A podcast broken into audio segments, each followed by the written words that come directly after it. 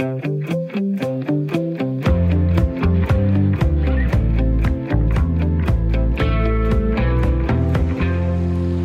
lytter til Tæt på på Radio 4. Et reportageprogram, hvor vi på alle hverdage rykker ud i virkeligheden. Og virkeligheden, den siger lige nu ifølge kalenderen sommer. Det er juni, og i den her uge skal vi i sommerhus. Mit navn er Dorte Søholm.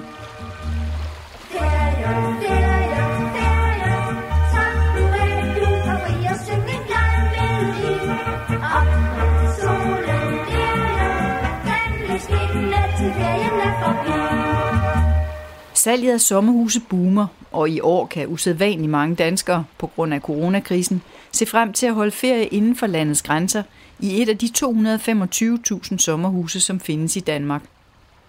Her i landet har vi en stærk tradition for sommerhuse. Et sted, hvor vi kan slappe af, hygge med familien og komme tættere på naturen. Men ideen om drømmesommerhuset er ikke entydig. Nogen længes efter det helt enkle og primitive, mens andre ikke kan få det stort og luksuriøst nok. Jeg er rykket til Æbeltoft, et af Danmarks populære sommerhusområder. Her gør man klar til en usædvanlig sæson med flere danske feriegæster end normalt. I den her uge handler tæt på om danskernes sommerhuse, om de drømme, minder, traditioner og forventninger, der knytter sig til sommerhuset. Også lidt om, hvad det koster at få opfyldt sine drømme. Velkommen til. Man er ikke i tvivl, når man kører ind i Æbeltoft fra nordvestsiden. Det her er sommerhusland. På højre side har man øh, vin med indbydende strande, og på venstre side der triller man forbi den ene sommerhusudlejning efter den anden. Sol og strand, dansommer, danscenter og hvad de ellers hedder alle sammen. Og også ejendomsmælerne har drømme til salg. Vitrinerne er fyldt med sommerhuse, som alle sammen kan blive dine. Og langs Strandvejen i Æbeltoft, der ligger der også et bredt udvalg af sommerhuse. Lige fra små knaldhytter af træ af ældre dato, sommerhuse med sjæl, som det vist hedder i ejendomsmælers sprog, til store moderne liebhaverier med panoramavinduer. Noget for enhver smag og for enhver pengepunkt, men alle med udsigt over det dragende vand. På Grævlingevej i Æbeltoft skal jeg mødes med en familie, som i flere år har drømt om at købe et sommerhus. Mm, Pænt goddag og velkommen til Grævlingvej 44. Tak for det. Tak. Lad os uh, gå ind og kigge på huset. Ja. ja. Så. De har hilst på ejendomsmaler Anders Kortved, som nu viser dem rundt i det, der måske for omkring en million kroner kan blive deres nye sommerhus. Solen skinner, og det hele viser sig fra sin bedste side. Altså hele det her? Nej, øh, faktisk den her bygningskrop, okay. fordi Nå, den der har egentlig været den her svalegang, eller hvad kalde ja. det. Verandaagtig har været hele vejen rundt om huset tidligere. Okay. Øhm, men det, det giver jo sådan nogle gode svalerum. Ja, det gør Bare så. sådan en dag som i dag, Det er rigtig fint, ja. kan man mærke det, og en regnværsdag kan man stå herude og grille, eller hvad man nu vil, ikke? Så. Ja. Så. Kan jeg så gå rundt her, ikke? Ja, der, der, Ja, det er det nemlig. Man skulle nok lave noget mere terrasse her. Man kunne sagtens lave træterrasser hele vejen rundt. Måske binde dem sammen en dag, Ja. ikke? Altså. Nå, men det kan være, Anders, i mellemtiden, så kan du lige beskrive huset. Hvad er det for et hus, vi skal se? Øh, jamen, øh, det er jo et klassisk sommerhus øh, beliggende i byzone tæt på Æbeltoft. Øh, der er rigtig kort til stranden. Øh, så er det et sommerhus, som er sådan klassisk disponeret for sommerhus med et stort køkkenalrum, glider ud i stuen med en brændeovn, som er også meget sådan noget, som folk de efterspørger ved sommerhus. Så har man tre soverum og et lille badeværelse. Øh, så, så det er sådan lidt det, der er øh, et hus, der er bygget i 70'erne. Øh, og så er det så moderniseret her inden for de seneste fem år, hvor det er malet sort med hvide vinduer, som jo også er sådan den her klassisk efterspurgte sommerhusstil. Øh, lyst og venligt indvendigt, og så indrettet med sådan lidt retromøbler, øh, som også rigtig mange de godt kan lide. Så det er sådan den korte version af det her sommerhus. Hvad koster sådan et? Det koster 1 og 95.000. Ja, så, Vi må så se, hvad de siger til ja, det. det er spændende. Så.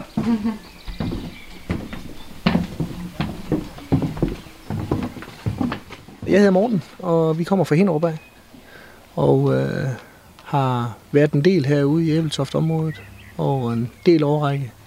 Haft en campingvogn, og på den måde kender vi området, og synes, det er dejligt. Og du har din kone og din datter med. Ja, jeg hedder Filippa, og ja, jeg bor jo også i Hinderup. Um, og vi har, jeg er også altid med på camping og sådan noget. Og jeg synes også, det er rigtig hyggeligt herude. Så Og hvor gammel er Filippa? Jeg er 12 år. Ja, jeg hedder Mette, og jeg synes jo også, det er et skønt område. Så Men, men det er første gang, I skal til at købe sommerhus, eller hvad? det er det. Hvor- Hvorfor har I lige fået lyst til det? Jamen, øh, det ved jeg ikke. Vi har, vi har egentlig kigget noget, noget tid, og, og så kom vi egentlig fra det igen. Og, og så på et tidspunkt, så synes vi måske, øh, det var nok mere, at der også var lidt snak i medierne, og ah, måske skulle vi lige kigge igen, og, og, øh, og, og så, så, så var lysten der måske lidt til at, at få fundet noget. Øh, og jeg tror ikke, det er sådan, det er ikke fordi, vi skal finde et sted at være til sommer. Øh, det, det skal vi nok komme over. Men, øh, men det er selvfølgelig måske også, det ændrer måske lidt øh, alt det, der nu har været i medierne om covid-19. Og, og så har vi nok sådan lidt, at kunne vi investere lidt penge i det, og det kunne forrente sig selv, både hvor vi får fornøjelse af det, og i en form for udlejning, så er det nok det, vi vil prøve at satse lidt på. Så det her det er ikke sådan et coronakøb, fordi I ikke ved, hvor I skal holde sommerferie? Nej, den ved vi faktisk godt, hvor vi skal holde. Så. Og, og det er sådan set ikke nødvendigvis i et sommerhus. Så. Men øh, Filippa, vil du godt gide at tage med i sommerhus, tror du, hvis I fik et sommerhus? Ja, det tror jeg godt. Jeg tror, det ville være fint at så være her. Hvad er det for sådan et, øh, et liv, et sommerliv, I sådan drømmer om, at I kunne have her? Jamen, jeg tror, det er jo, det er jo, det er jo weekenden ved, at vi ikke bor så langt herfra. Så, så, tror, jeg, så tror jeg simpelthen ikke, det bliver sommerferien sådan lige forløbig. Øh, der har vi lidt noget andet, vi, vi prioriterer. Øh, men, men jeg tror, det er de der weekender, vi har, vi er begge to selvstændige, og har lidt et hektisk liv. Så måske det der med, at øh, campingvognen, vi havde før i tiden, øh, tog vi til og havde en, en, en forårssæson i den. Øh, det passede os fint. Øh, nu tror jeg, at vi måske vil så bruge det sommerhus til at fordele ud lidt på året, og ikke have det der intensive forårssæson i en campingvogn, men ligesom dele sommerhus sæsonen, eller hvad hedder det, opholdet ud i, i, mm. i, i en eller anden given periode. Og den periode, som så ikke vi selv bruger dem, der vil vi så lege det ud. Mm. Hvordan, øh, hvordan bor I derhjemme? Sådan? Vi bor i et hus med en stor have. Så øh, det er egentlig ikke, fordi vi, vi sådan behøvede sådan et sommerhus, men det er bare hyggeligt at komme væk fra vasketøj og hverdag. Ja, I må endelig summe rundt og ja. lige se om... Ja, lad os lige prøve at se.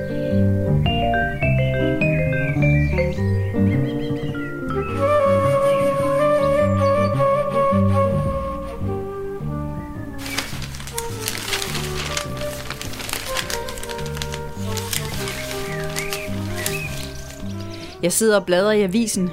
Sommerhusene går som varmt brød. Sommerhuse hitter, står der.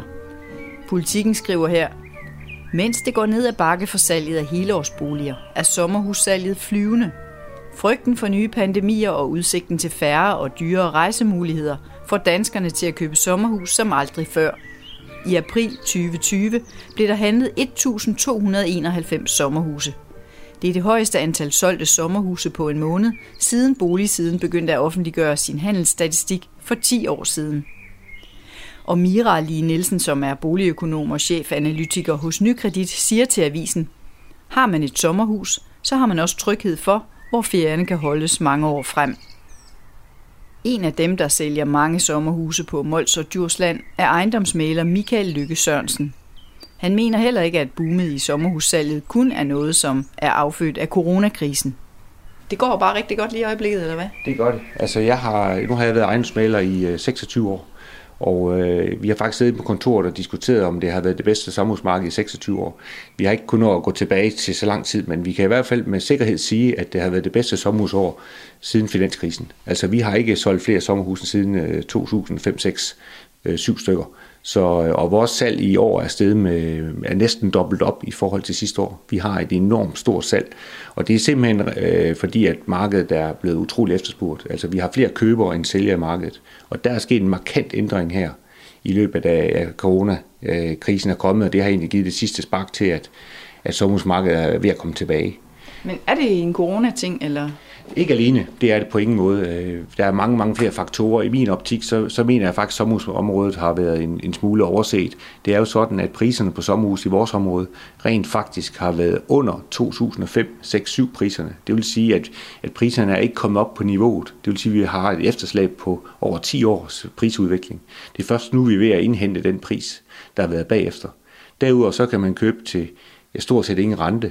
Man har mulighed for belån helt op til 75 procent. Man har også mulighed for at få afdragsfrihed i sit sommerhus, hvis man vil det.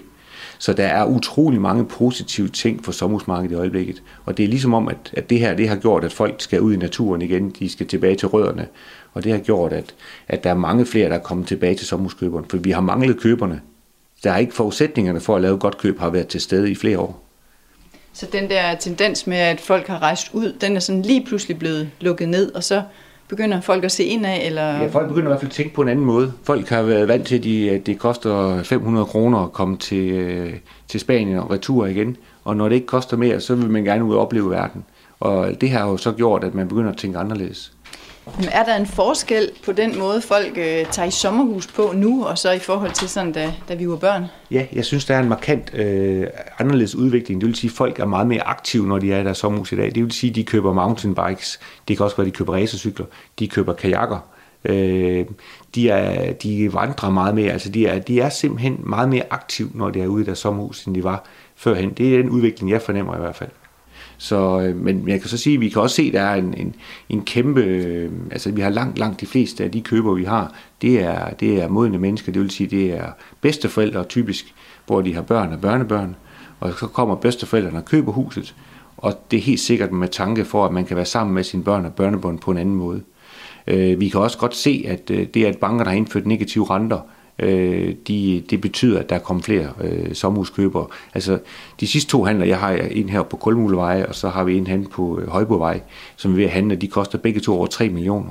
Og de to huse, øh, der er begge køberne, det er nogen, der, der, har, der har brugt et af årsagerne, det er, at de betaler 0,6 procent i negativ rente på deres indstående nede i banken. Så i stedet for at have pengene stående i banken, så kan man lige så godt have dem stående i et sommerhus? Ja, så kan man købe sommerhus, så kan man få glæde, få glæde af dem i stedet for at aflevere nogle af pengene til, til banken. Så, øh, så de kommer stort set med langt de fleste penge selv, og så, øh, så har de jo et, et billigt hus. Og øh, i begge de her tilfælde er det ikke nogen, der skal lejes ud. Det kunne man have gjort, men det har de valgt ikke at gøre nogen af de her to købere. Men det er gode tider for Sommerhusmalerne? For sommerhusmalerne skal vi ikke klage. Vi kan godt se, at der er en lille nedgang på, på villadelen, men ikke en stor nedgang, men på, på sommerhusdelen, det er, det er det bedste, der har været siden finanskrisen. Så I mangler nærmest huse nu, eller hvad? Vi, vi mangler simpelthen hus til salg, så øh, vi arbejder ekstremt meget på at få flere hus til salg.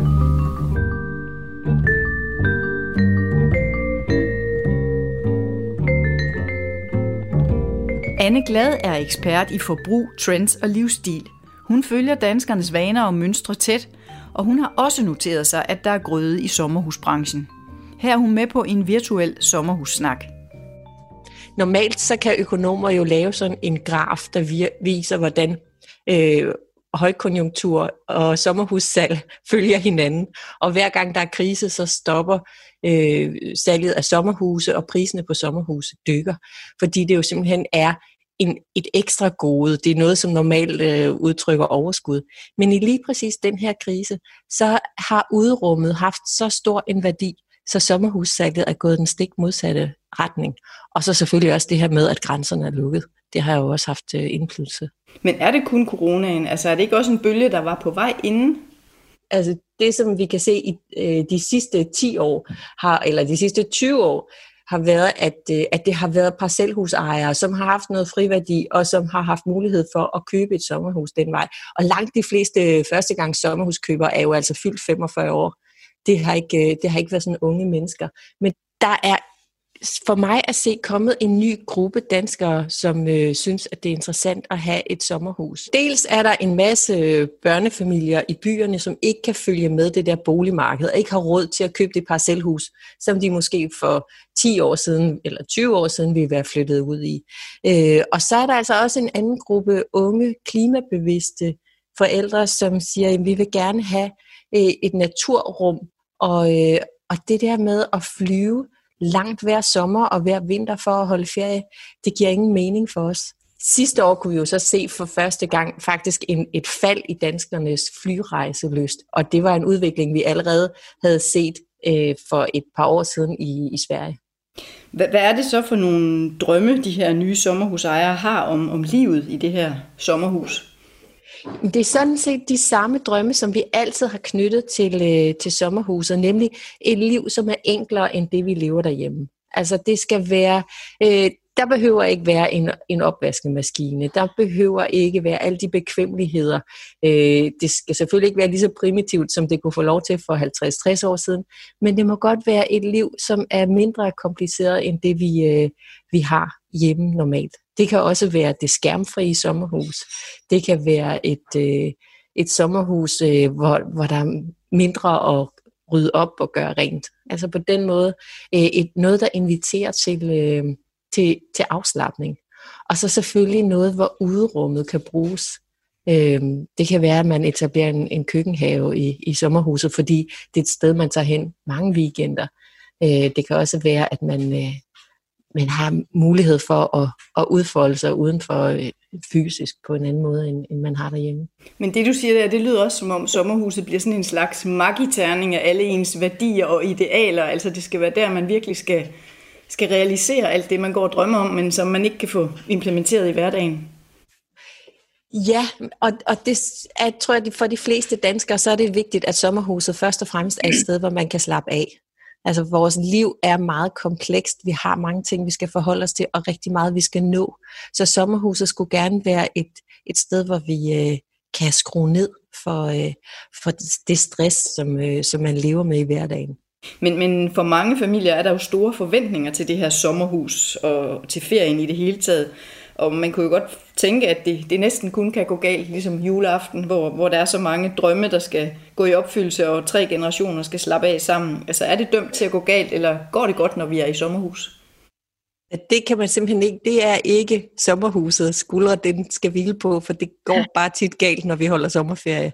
Øh, præcis som det går galt, når vi holder jul. Og, øh, og der vil også efter den her sommerferie være, en, være travlt med, med skilsmisse øh, efter efter at den der kvalitetstid ikke levede op til forventningerne. Sådan er det desværre. Så det er ligegyldigt, om det er Gran Canaria eller det er Tisvilde? Præcis. Ja. Altså nærvær, det, øh, det kan glimre ved sit fravær, ligegyldigt hvor i verden man er sammen med familien. Sommerhuset er jo noget, der repræsenterer en eller anden meget, meget dyb drøm, tænker jeg, for danskerne. Altså, vi ser jo rigtig mange boligblade, der er fyldt med romantiske sommerhuse. Hvad er det, der, der vækker nogle længsler i os om, med det her sommerhus?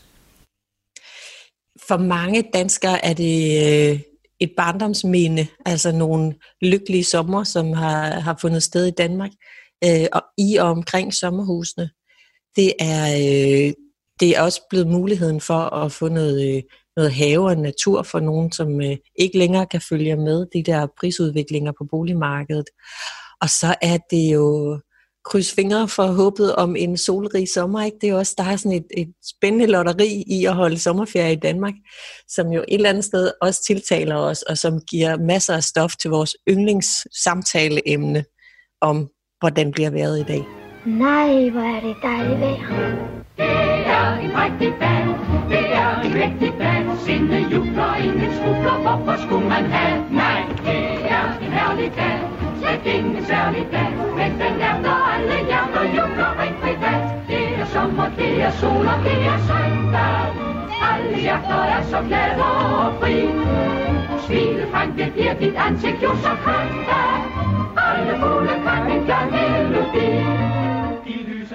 Tilbage på Grævlingevej i Æbeltoft, hvor Morten, Mette og Filippa måske godt kunne se sig selv på en solrig sommerdag. Og kig. Holder bare fodtøjet på. Så. Og egentlig mere terrasse her, end jeg lige, lige sådan Ja, tænkte. men det kan godt snyde lidt med det Ja. beplantning på billeder. Ja. Så det kan vi nemlig. Så kom med.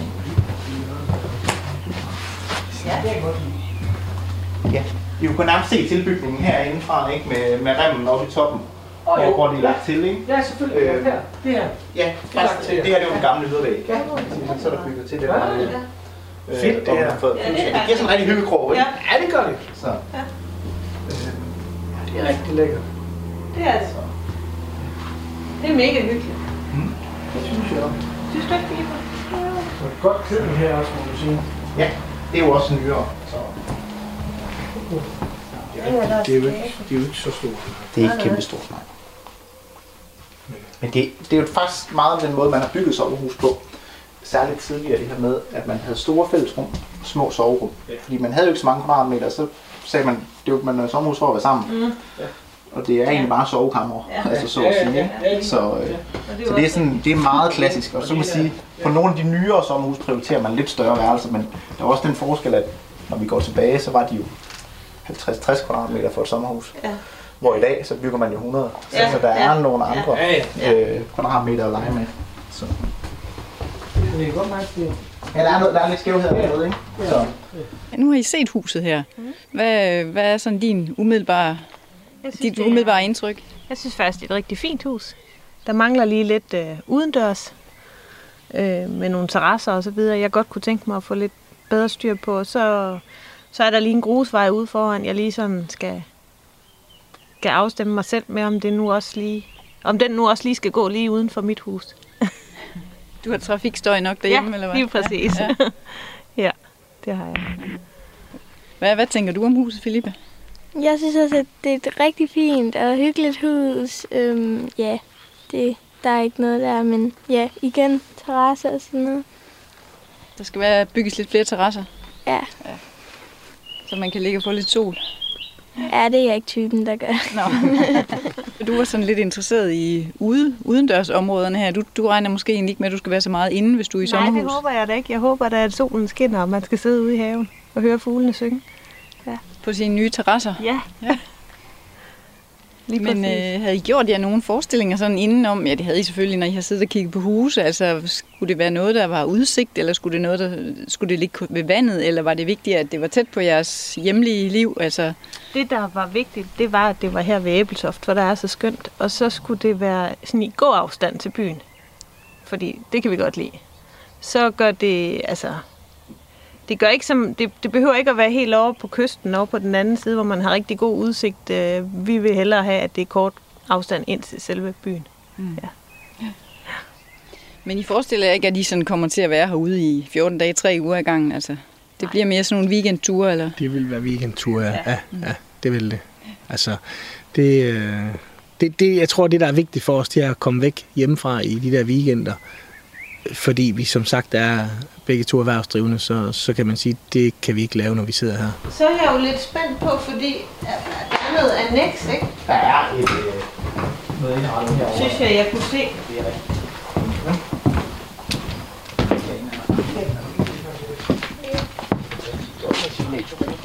ja. så, Og det er, egentlig, det er godt nok stort, det her. ja, det er da ikke så tosset.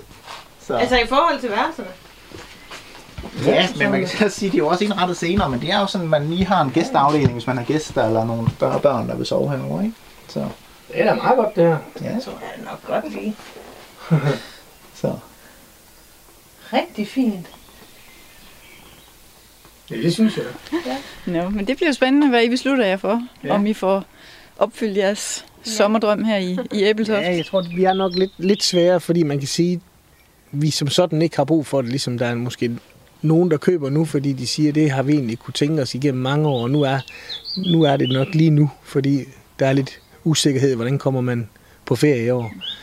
Øh, men som sagt, det har vi styr på, så, så det er ikke derfor, øh, vi har travlt på den måde. Men Men du det- har en, en million, der ligger og brænder derhjemme i skuffen. mm, ja, det kan man måske sige lidt af. Ja, Jamen, held og lykke med det. ja tak for det. Og fuglene synger. Ja, det er dejligt.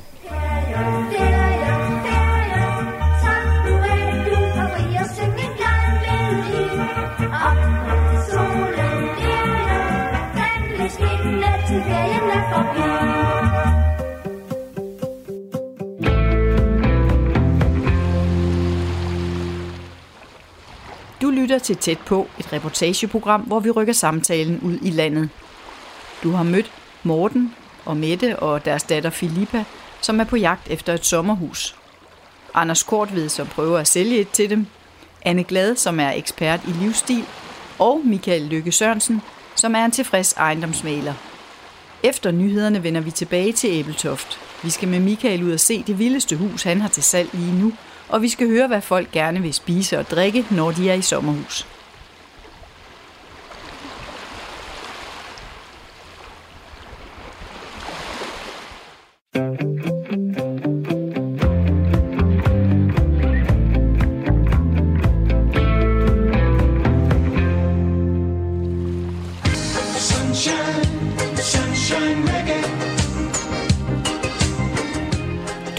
Til Tæt på, et reportageprogram, hvor vi rykker samtalen ud i landet.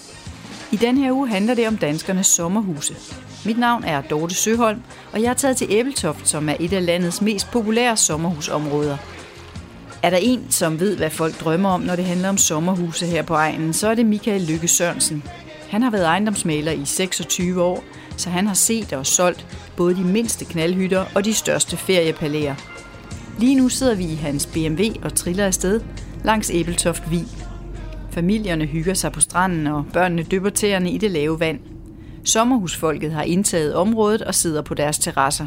Altså, det vi har, øh, det, vi har mest efterspurgt overhovedet, det er, det er simpelthen ting med, med udsigt og tæt til vandet naturligvis. Så det er det aller, aller, allerbedste, vi har. Det er, det er udsigt og, og nærheden til vandet. Ja, og vandet, det er jo så lige her på, på højre side. Vi Ja. kører på vejen, som deler øh, sommerhusområdet fra vandet. Ja. Og lige nu kan vi se, at der faktisk er kajakker ude og sejle rundt ude i Æbeltoft Vig. Og på venstre side, der er der jo bare sommerhus på sommerhus på sommerhus op i bakkerne der. De ligger tæt, var. Det gør de. Øh, Her på Æbeltoft siden af det ligger alle øh, de store, flotte sommerhus med udsigt. De ligger relativt tæt pakket op ad, op ad bakken. Men de har fantastisk udsigt ud over Æbeltoft Vig. Det her det er Lyngsbæk Strand. Der ligger både helt nye huse, ligesom vi har her, og så ligger der ældre huse op bagved. Så det er sådan en blanding af forskellige Ja. tiders sommerhuskultur. Det er det. Det er, det er, det er vidt forskelligt det hele. Hvis vi kommer op her, øh, så ligger der faktisk også stråtægte huse heroppe ad den her side. Nogle helt gamle nogen. Og det, at husene er så blandet i udtryk, det betyder vel også, at, at beboerne er, er blandet. Altså, der er vel mange forskellige slags mennesker her. Ja, vi har alle mulige. Vi har faktisk øh, ældre mennesker. Vi har, også, vi har faktisk også nogle enkelte, der bor herude som, som pensionister.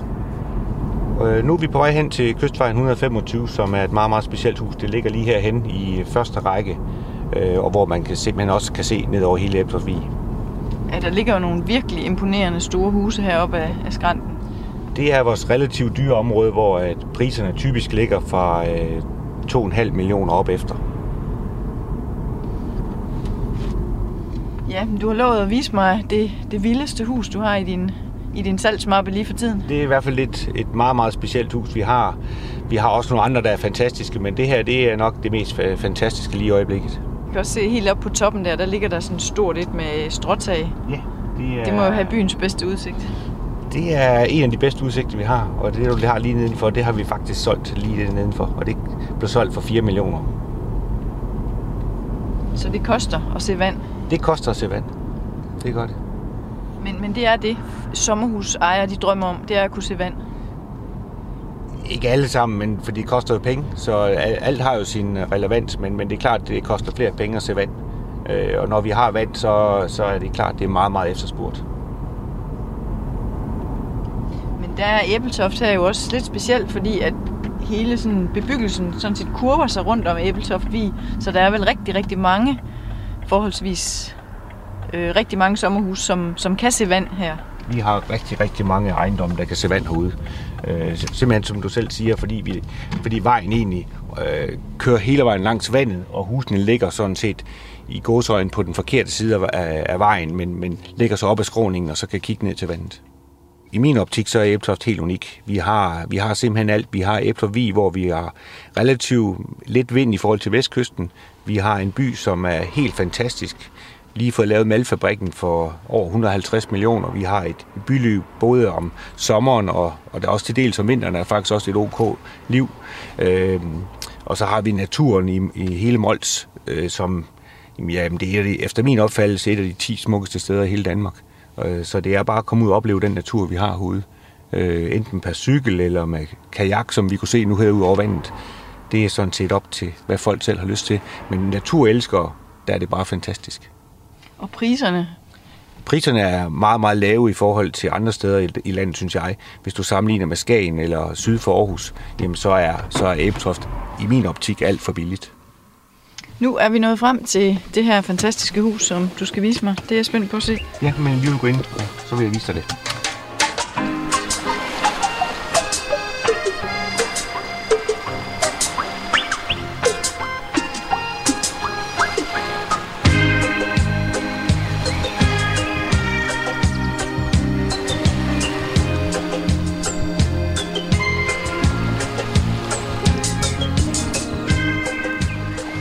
Står vi jo øh, på nede ved vejen, og så går vi faktisk ind i garagen. Det er lidt specielt. Øhm, så kommer vi ind i 80 kvadratmeter garage, som er, og det hele er under opførelse. Det er, det er næsten færdigt det hele. Og øh, her er i hvert fald plads til ja, mindst tre biler. Så det er ikke noget problem. Så det Ja, er der bare, er god plads. Det er der i hvert fald. Og så går vi op ad trappen, og så kommer vi op i selve huset, som er faktisk 200 kvadratmeter. 200 kvadratmeter. Ja. Kan du prøve at sige lidt om, hvad det er for et hus? Jamen, det er, det er et stenhus, som er bygget op og øh, med, med klinker og trægulve. Så det er sådan set det, der er planen i det. Og så har man jo bygget det sådan, at det, øh, det hele det, kom, det vender ned mod vandet og har den øh, unikke udsigt, øh, som vi kan se både ind til Æbeltoft og ud til Mols Bjerge og ud over hele I. Det er stort og hvidt, og øh, det, hele, det hele er hvidt. Det hele, det hele er, er hvidt og, og selvfølgelig med klinker og trægulve. Og det, det er jo den stil, man laver i dag. Og så er det ligesom bygget sådan i nogle terrasser Ja, op det er- af skråningen. Du har faktisk øh, tre niveauer. Du har kælderen dernede, som vi snakkede om, og så har du her, nu kommer vi ind på det, det første niveau, og så kommer der et niveau op, op på toppen igen, hvor vi har stue. Og på alle niveauer er der fantastisk udsigt. Men her på stueniveau, der er det sådan set planen, at man har værelser, og, og øh, ja, her, det vi er inde i her nu, det er sådan set et værelse, og ved siden af har vi køkkenet og, og en kæmpe, kæmpe terrasse, hvor der er fantastisk udsigt. Og her kan du faktisk se fem kajak- kajakroer, som vi snakkede om, Ja, der er jo nærmest 100 meter ned til... til vandet. Til vandet. Så det er, for det er første række øh, ned til vandet. Og så har du, hvis man kigger over lige efter, så kan vi jo se bådene ude i Eblervig. Ja, man kan se, at fregatten Jylland også ligger derovre. Fregatten kan du se, og du kan se mølleren helt over på den anden side ved Al. Og terrassen her uden for de her værelser, hvor der jo selvfølgelig er panoramavinduer, den er vel i 50 kvadratmeter eller sådan noget. Det tror jeg ikke engang, det kan godt være. Godt 50 kvadratmeter, plus der er en kæmpe terrasse ovenpå, også på cirka 30 kvadratmeter. Ja, det er udsigt, udsigt, udsigt. Det er det. Men jeg synes, vi skal gå ovenpå, så du kan få at se, hvor flot det er.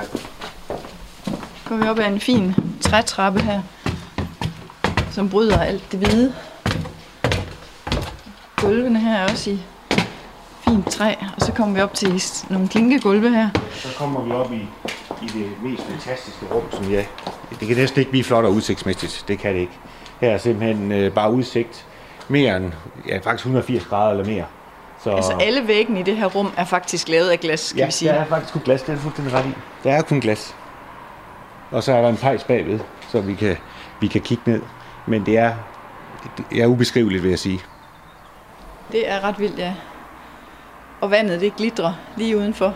Vi kan simpelthen stå og kigge ned, og vi kan se, hvor at der er sandbund, og hvor der ikke er sandbund. Og vi kan se lige hen til badebroen, som er lige herhen. Og ja, vi kan, vi kan simpelthen se det hele. Ja, det eneste minus, det er jo sådan set, at kystvejen, den går lige nedenfor her. Hvad, hvad siger folk til det? Ja, altså der er nogen, nogen vil gerne bo øh, tæt på vandet, og nogen vil gerne trække lidt tilbage. Så det er lidt forskelligt. Her har du nærheden til det hele, med cykelstien og det hele, men selvfølgelig er der lidt, øh, der er trafik. Øh, nu- du kan selv høre, høre der er en lille smule, men, men det er meget begrænset alligevel.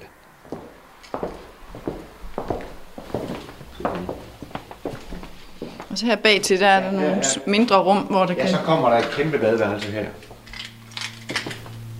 Ja, og selv i badeværelset er der et, et panoramavindue fra gulv til loft, så man kan faktisk stå herinde i brusebadet og kigge over på fregatten Jylland. Det kan man, hvis man vil, så kan man sætte et badekar op her, så kan man sidde og kigge ud over vandet. Ja, det er ikke dårligt. Det er pejsestuen, og så er der faktisk en stue mere om bagved også. Så øh, der er, det er lige meget, hvor man opholder sig hen, så er der bare imponerende udsigt. Ja, der er ikke gået mange mursten til her. Det er simpelthen glas. Det, Det hele. er rent glas det hele, og, og, og udsigt lige meget, hvor det sidder hen. Det er højt til loftet, og, og fylde, og det er bare, jamen det er unikt. Hvem, tænker du kunne købe sådan et hus? Det her det er perfekt til udlandsdanskere, eller så vil det være en selvstændig, øh, som, som selvfølgelig har midler. Når det her, det her det koster over 6 millioner, så, så selvfølgelig er det nogen, der har, har lidt penge. Øh, så det, men udlandsdanskere vil det være perfekt til. 6 millioner. Hmm. Men så får man altså også godt 200 meget moderne kvadratmeter. Og så altså de 80 kvadratmeter til vognparken. Et sommerhus som det vi lige har set fortæller noget om ejeren, ligesom vores helårsboliger gør det. De sender signaler, og dem er livsstilseksperten Anne Glad trænet i at opfange. Gennem mange år har hun spidet os som typer, når hun i tv-programmet Kender du typen har kigget på kendte danskers boliger. Anne Glad ved, hvad det er, vi alle sammen inderst inde drømmer om. Også når det handler om sommerhuse. Her er hun med på en virtuel forbindelse. Det er faktisk ret sjovt, for vi har i mange år sagt, at det er simpelthen for svært at lave kender du typen i sommerhuse. Og de gange, vi er blevet udsat for det, så har, har der manglet de der livsstilsmarkører. Men lige nu der er vi i gang med at optage en serie, som kommer her senere øh, på måneden, øh, som netop tager udgangspunkt i kendt, tre kendte danskere sommerhuse. Så, så det er faktisk, og, og i de sommerhuse, der er det faktisk ret nemt at lave fortællingen om, øh, om typen ud fra det, vi ser. Så, så i takt med, at vi er blevet rigere, så er udstyrsniveauet i sommerhuset jo, det har jo også ændret sig. Det er ikke længere bare det der skrammel, som man ikke gider her andre steder, som bliver, bliver fyldt ind i sommerhuset. Det er faktisk noget, der i, i høj grad afspejler, hvem du er. Så man sender også nogle signaler med sit sommerhus? Det gør man, og det kom faktisk bag på mig, hvor relativt let det har været i øh, at, at tegne portrættet af mennesket i de sommerhus, vi har været i. Og der er selvfølgelig stadigvæk den anden type sommerhuse, som er lidt mere identitetsløse. Ikke? Øhm, men det er helt tydeligt, at, øh, at også her, så er vi altså på et, øh, et, et niveau af, af, af komfort og, og øh, og værdier, som, øh, som gør, at det bliver sådan nemmere at aflæse øh, mennesket selv i den der fritidsbolig, som egentlig skulle være noget enkelt og noget. Værdier, som man signalerer med sit sommerhus, kan jo også være nogle værdier, der er øh, antimaterielle. Altså det kan jo være noget med mormors gamle blomstrede hynder og slumretæpper, og det kan være noget med rødder, hvis det er et hus, som har været i en generation, eller været i en familie i mange generationer. Helt klart. Altså hvis vi ikke taler om de der nyerhvervede sommerhuse, altså hvem de nye sommerhusejere er, men det gamle familiesommerhus, så er det jo nogle helt andre. Så handler det jo om traditioner, og vi plejer, og i pinsen skal vi spise krebs, og alt de der ting. Altså, så er, skal, skal indretningen helst afspejle den fortælling, som familien har om sig selv. Ikke? Og der er jo, altså, der er jo også det nyrige sommerhus, ikke? hvor alt er designermøbler. Der er, øh, der er det der det dannede sommerhus, hvor alt er traditioner, og vi har gjort sådan her i fem generationer. Og der er, er øh, det der selvbyg, nye børnefamilie, nogle helt nye klimadrømme, øh, som kan udfolde sig. Så vi, altså, sommerhuset afspejler mange forskellige livsstile og mange forskellige typer. Og er der også sådan en eller anden indretningsstrøm, der ligger dybt i mange, måske kvinder, at hvis man skal bo sådan lidt stramt og modernistisk derhjemme, men i sommerhuset, der kan man godt gå amok i blomstrede puder? øh, jeg tror, der er lige så mange sommerhusindretninger, som der er danskere, og der er helt sikkert mulighed for at vise nogle andre sider af sig selv i sommerhuset, end, øh, end det man gør derhjemme. Måske også bare være lidt li- mere ligeglad, at, øh, at alt er faktisk til, at der er ikke noget, der er for grimt til sommerhuset, hvis man, hvis man gør det på den gamle måde. Men øh, jeg lover dig, at der er også masser af sommerhus, der står lige så snorlige som, som hjemmet derhjemme. Ja, jeg har været med en ejendomsmægler ude og se sådan et 6 millioner kroners hus med udsigt over vandet, som er sådan en fuldstændig kasse i glas og beton. Øh, det er jo nogle helt andre værdier end de der gamle, hyggelige, kolonihaveagtige sommerhusdrømme, som, som mange også har, som man ser i damebladene. Men det, det er jo noget, som afspejler den livsstil, du i øvrigt har. For, for ejerne af det der, øh, den der arkitektoniske perle har jo nogle helt andre øh, krav til livet og, og syn på det gode liv end, øh, end børnefamilien. Ja, og så er der lige den lille krølle med maden og vinen. Hvad er det, vi spiser? Hvad spiser danskerne, når de er i sommerhuset? for nogle danskere, så vil det jo være den der, vi spiser det, vi plejer, øh, som vi gjorde sidste år og forrige år. Så skal vi øh, på et eller andet tidspunkt ned og stryge fjordrejer, øh, eller vi skal til, til fiskemanden og have den der særlige øh, fisk, vi altid plejer at spise. For andre, så er det jo noget, der bare skal fungere og være enkelt og let, så er det, det måske der, man lige pludselig synes, det er okay også at tage en frostpizza med og, øh, og spise rugbrødsmad og lave snobrød over bål, ikke? Øhm, og ikke skulle stå i køkkenet i, i mange timer. Vi hygger os, når, når vi holder ferie, øhm, og vi drikker mere alkohol. Øh, jeg ved ikke i den her øh, i den her sommerferie, hvordan det kommer til at være. Men, øh, men vi har jo kunnet se de sidste par måneder, at danskernes indtag af alkohol er faldet ret drastisk. De første to uger, der væltede vi jo slik og chokolade ned i indkøbskurvene, men det er altså også stoppet igen. Så det var sådan en, en trøstespisning i øh, reaktion de første par uger, som, øh, som er forsvundet igen.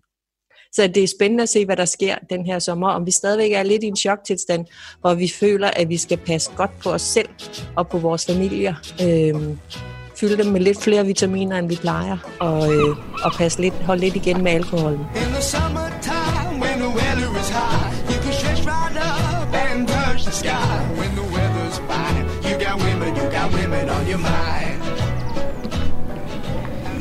Jeg er taget ned på havnen i Æbeltoft for at prøve på at finde ud af, hvad det er, sommerhusfolket de indtager, når de sådan skal i feriestemning og rigtig hygge sig. Og øhm, der er østers og boblebar, og der er fiskedelikatesser, og der bliver også indtaget lidt rosé foran en restaurant, kan jeg se. Foran fiskeforretningen står folk som regel i kø for at få ting med hjem til tallerkenerne i sommerhuset. Fisk og skalddyr og andre dejlige ting fra havet. Og så er der øh, delikatesseforretningen hos Valter. I forretningen der er der et imponerende udbud af champagne, vin, spiritus, øl, hjemmelavede chokolader og alverdens delikatesser. Nu går jeg ind i Aladdins hule her. Jeg kan se, der er stablet godt med roséflasker op hernede i den ene ende. Jeg tror, de er ved at være klar til at tage imod. Men jeg vil lige spørge indehaveren her, hvad, hvad det egentlig er, han, han særligt skal have fyldt op med, når sommerhusfolket er på vej? Jeg hedder Christian Busk, og, og jeg er, er, er jo faktisk selv et, et feriedreng, som er, som er kommet hertil og har kommet her meget i sommerhus i, sidst i, i 90'erne, må det jo blive i starten af 0'erne. Og, øh, og på et tidspunkt købte jeg så et hus i Æbeltoft, faktisk fordi vi bød på et hus her og fik et hus her. Og i 2004, så er jeg så så heldig, øh, at øh, den butik jo hos Valter, at den er til salg op i den, den, øh, i den gamle bydel, og hvor så tænker, jamen der er jo en, en mulighed for at leve min hobby ud og min drengdrøm. Jeg har jo altid arbejdet på et eller andet niveau med vin, også på som hobby, men også. Og, og så siden 2004 har jeg så drevet øh, hos Valder, som er jo øh, vin, spiritus, specialiteter, primære, primære øh, øh, Europa-varer, men, men, men vin for hele verden, men specialiteter primære i Europa. Fordi det er det, vi, det er det, vi fagner, og, og vi kan jo ikke have det hele, selvom vi har god plads. Så. I har et stort lager, kan man, kan man se det Ja, jeg tror, mange, der, der er mange, der bliver... Øh, minimalisme, det har altid været, været, været noget af det, som jeg ikke har været for god til. Hvor, hvor mange flasker vil du skyde på, der er inde i, i det her rum? Mm, det ved jeg sgu ikke. Der er i hvert fald... Øh, der er over 10.000. Om der er over 20.000, det ved jeg ikke. Det er, vi tæller dem der i gang om året, men vi, det, det er sgu ikke op at se, hvor mange der er. Så får man bare ondt i maven over, hvor meget man har stående. Sådan. Og der er også, hvis man spørger sin bankmand eller sin revisor, spørger det også, er det nødvendigt? Jeg tror, der skal meget mere til. Det er, er der skal, altså for mig er det, der er det mangfoldigheden. Vi har jo egentlig et meget smalt sortiment, men det er meget dybt. Uh, uh, som man kan se inden for den enkelte, vi har, ja, hvis man tager inden for rødvin, så har vi bare mange forskellige varianter af rødvin. Mm. Men, men, men uh, så er der mange andre ting, som vi ikke fører i, i butikken. Uh, men, men, men til en god aften, så tror jeg, du kan finde det meste der. Men når nu sådan sommer nærmer sig, og, og sommerhusfolket begynder at, at rykke ind i Æbeltoft, hvad, hvad skal du så have sat på hylderne? Hvad, hvad ved du så, der går? Ja, man skal i hvert fald sørge for, at de, de sidste... Vi har, vi har været heldige hver gang været, været først med på, på øh, rombølgen og først med på ginbølgen. Så vi er, vi er ret godt befærdige i det, har mange faste kunder, så jeg ved godt, at nu skal jeg bare sørge for, at vi har masser af tonicvand, vi har masser af gin i front, vi har masser af rosévin i front, vi har masser af hvidvin i front. Og så skal vi have nogle vin, som passer til, til at grille. Der er jo, det, det, vi er jo en grillkultur i Danmark, og det er i hvert fald ikke mindre, når man er på, når man er i, på ferie eller i sommerhus. Så er det, det er, at jeg har, jeg har flere kunder, der griller, når de er i sommerhus hele året rundt. Så de skal have nogle vine, der passer til det. Og det afspejler vores sortiment jo også, at vi har både meget klassiske vine, men så har vi også nogle af de her, som, øh, hvor man kan... Øh, den, det allerbedste glas vin, det er jo faktisk, når du går og laver mad. Øh, og dem har vi mange af de vine, som bare, som, som bare smager godt i sig selv. Men gin og tonic, siger du, det er en, en kerneydelse ja. til sommerhusejerne. Bimler folk rundt i sådan en, en evig salig brændert, når de er på sommerferie? Det håber jeg da, det vil jeg da gøre. Nej, det tror jeg ikke. Men jeg tror, at folk hygger sig med det. Altså, jeg tror også, det er mere normalt. Jeg, jeg, jeg, tror, øh, jeg, jeg tror egentlig bare, det der er sket, er, at, at, øh, at når man er på, på ferie, så er der mange, der siger, jamen nu er vi jo fri sammen, så i stedet for, at man får en, en kold øl eller noget, så det får man sikkert også på et tidspunkt. Øh, så tager man så en, en Ebeltoft Gårdbryggeri, øh, men her tager man der er så mange, der tager en gin tonic i dag, øh, enten øh, før de skal spise, eller som en sundowner, øh, fordi de synes, det er hyggeligt. Og, og, og klokken den er fem på mange tidspunkter, når man er i ferieland. Og det, det ser man jo også, hvis man kigger herude. Folk, de går jo, man går jo meget afslappet klædt. Det gør vi jo også i butikken, går vi jo også afslappet, øh, afslappet klædt. Det er, men det er ligesom om, når man, hvis man kommer til Æbeltoft, og kommer ud fra skoven, som de fleste gør, kører ind og ser vin, så falder blodtrykket jo øh, ved 50 procent, vil jeg tro. Og så kommer man i feriestemning, og så, mm. så vil man gerne have. Altså jeg tænker jo sommerhus rosé, øh, ja. og jeg kan også se, at du har sat rigtig meget rosé frem derhen. Ja. Er det ikke også en stor vare for sommerhusejere? Meget stor, meget stor. Øh, det har været hvis, hvis vi kigger en 4-5 år tilbage, var det, øh, så var det jo næsten bandlyst at drikke rosé. I dag der har folk bare fundet ud af, at det skal være, hvis det er en god kvalitet, så er rosé også godt. Der er også en, der er en god ting ved en flaske rosé, er, at den, den holder sig måske også lige et par dage i køleskab, øh, som man har til, til et par dage, hvis det er. Kunne du prøve at vise mig en, som kunne ja. blive sådan et, et sommerhus-hit i år? Vi ved her, at vi har øh, nok de tre roséer, som kommer til at løbe hurtigst lige her, hvor vi står. Vi har Côte de Rose, som har været vores øh, mest solgte rosé i fire år nu, hvor den ligger i en fin flaske med en der øh, formet som en rose med en glasprop, man kan genbruge. Men den kunne jo ikke blive så populær, hvis den ikke kunne drikkes.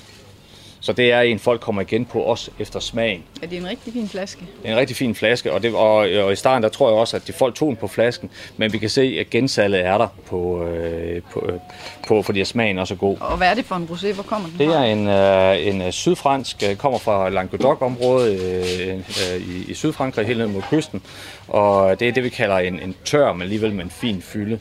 De står ude på pallen derude, piger. Så har vi øh, herover det vi også ved, der bliver sindssygt på, Stone Valley, det er en amerikansk rosé, lavet på Zinfandel, og det er der rigtig mange mænd, der godt kan lide som rødvin. Her er den så som rosé, og det er en lidt sødere rosé, og den kan faktisk drikkes med isterninger i. Og hvis man sidder ude på terrassen lidt, så er det bare lækkert, og man griller, og man har noget med krydderi, og så kan man putte isterninger i sin rosé. Det, det har man aldrig hørt en vinhandler sige før, men det virker her. Det er faktisk, øh, det ved vi på den lidt søde stil, bliver det kæmpe og det er også sådan en, man kan gå og, og drikke, mens man laver maden? Det vil jeg påstå. Det, Stone Valley? Ja. ja. Og det, det, er, det er en, en, en stil, som, øh, som vi også har set, der kommer ind, at der, man er glad for den her lille sødme, der kommer på. Og de her roséer, dem har du fyldt lagret godt op med her inden sommer? Vi kommer ikke til at mange. det, det, det er helt sikkert. Vi har måske 30-40 forskellige roséer. Vi ved bare, at der er altid nogen, der går, der går hurtigere øh, end andre. Og jeg kan se den der, den første der i den flotte roseflaske, den kan man også få i en Magnum, ja, og så kører, hvis det ikke er nok med en enkelt flaske. Og der, der, der kører vi det her tilbud, hvis man køber seks af de almindelige, så får man sgu lige en Magnum øh, oven i hatten. Det, er, det, det, det benytter folk sig selvfølgelig også af. Og, så, og det er jo en vin, der hvis, skulle, hvis man er så dårlig til at drikke rosé, man ikke kan drikke seks flasker på en sommer, så kan de altså også holde sig til næste år. Mm. Men, og det er øh, sådan nogle flasker, der ligger fra omkring 90 kroner op til 130, ja. kan jeg se. Ja, skal det være tør? Ja. Og det er seks flasker? Eller Nej, det kan, det kan vi ikke kaste mere bil. Nå, det, ja, det må ikke skal. Bare et stykke. Bare stykke? Ja. Det skal være til lidt fisk.